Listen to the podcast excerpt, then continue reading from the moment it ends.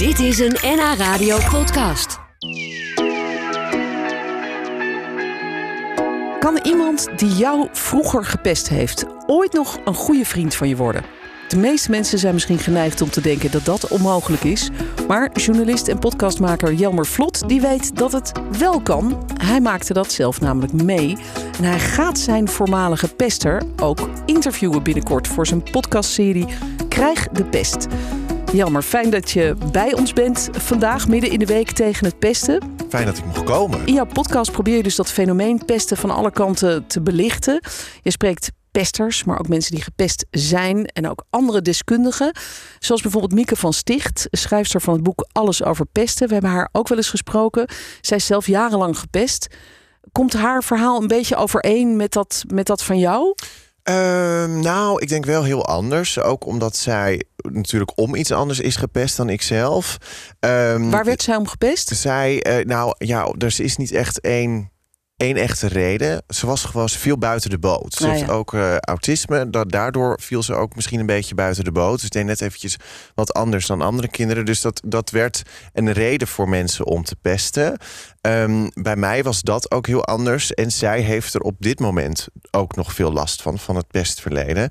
Ehm, dat heb ik ook niet zozeer. Eh nee, niet echt eigenlijk. Ehm, dus dat is ook wel een groot verschil tussen Mieke en ik. Ja, vertel jij in die podcast eigenlijk ook jouw eigen verhaal? Ja, nu nog. In het begin loopt dat een beetje als een kleine rode draad door de podcast heen. En probeer ik wel echt de gast die ik interview eh, op, op zeg maar de sokkel te plaatsen. Dus dan zet ik mezelf even op een tweede plek. Ik haal wel af en toe eh, voorbeelden aan van wat ik zelf heb meegemaakt. Maar het gaat wel echt om de geïnterviewde. Ja. En straks, als ik met mijn eigen pester eh, in gesprek ga, dan komt mijn verhaal wel wat meer naar voren. Ja. Ja, want vertel even hoe dat ging. Jij groeide op in Den Helder. Hoe, hoe oud was je toen je voor het eerst gepest werd en toen het echt serieuze vormen aannam? Ehm, dat begon eigenlijk op de middelbare school. Dus dan ben ik een jaar of twaalf geweest. Ehm, en dat begon wel eh, minder. En dat liep steeds eigenlijk meer uit de klauwen. Dat begon een beetje met propjes gooien. En met een beetje met homo roepen en dat soort dingen. Want ik ben gewoon vrouwelijk, dat was ik toen al. Ik hield me toen ook niet echt in. Ik liep misschien wat anders dan de rest. En eh, ja, ik had andere interesses. Ja, was maar je was niet uit de kast. Nee, De- toen was ik nog niet uit de kast. Nee. Nee, dat was echt nog voor. eh, Ik ben op mijn vijftiende uit de kast gekomen.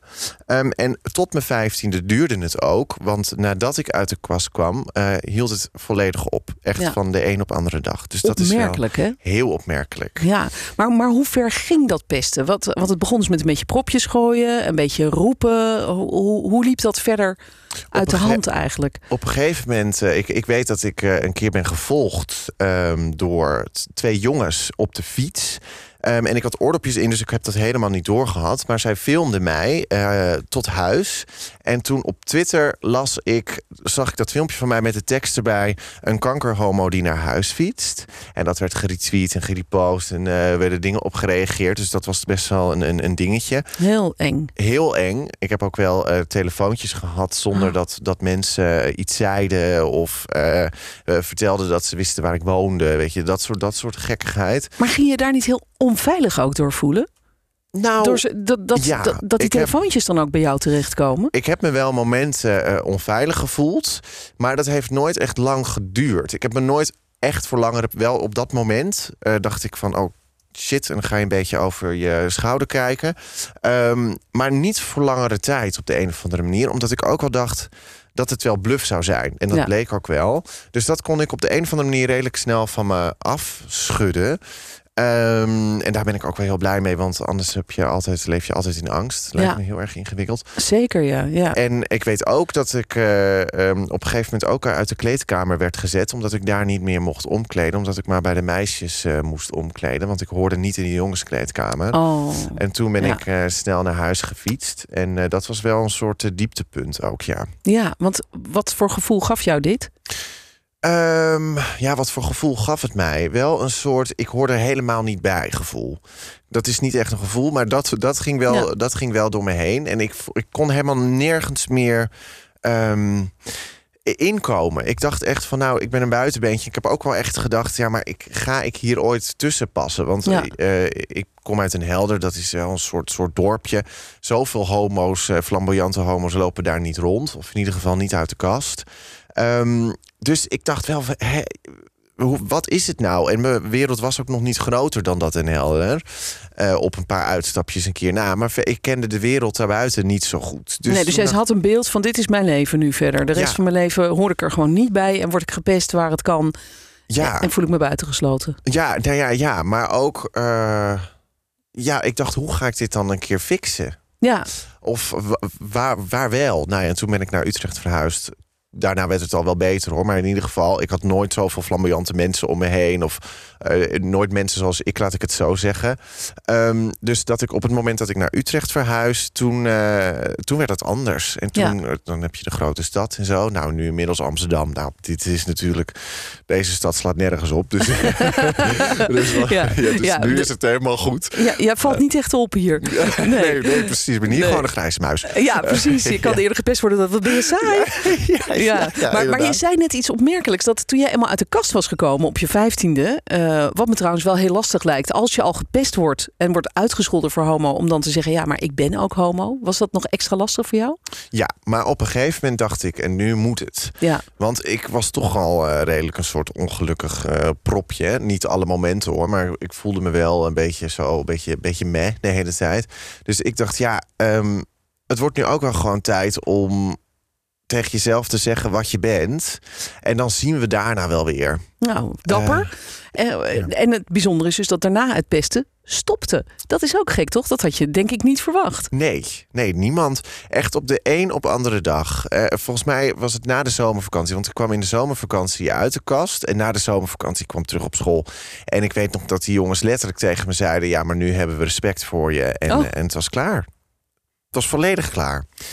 Heel raar. Heel bizar, maar eh, heel fijn voor je natuurlijk. Oh, absoluut. Toen begon de leuke middelbare schooltijd. Ja, kijk, die heb je ook nog gehad. Dat geldt niet voor iedereen natuurlijk. Want er zijn ook mensen bij wie dat pesten nooit stopt. Waarbij het de hele schooltijd doorgaat en soms zelfs daarna.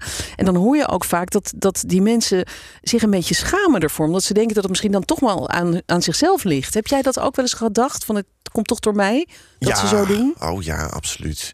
Ja, wat ik net zei, dat ik er gewoon voelde dat ik een buitenbeentje was. En dat, dat was ook zo. Ik bedoel, ja, linksom of rechtsom, ik was gewoon anders dan de meeste daar.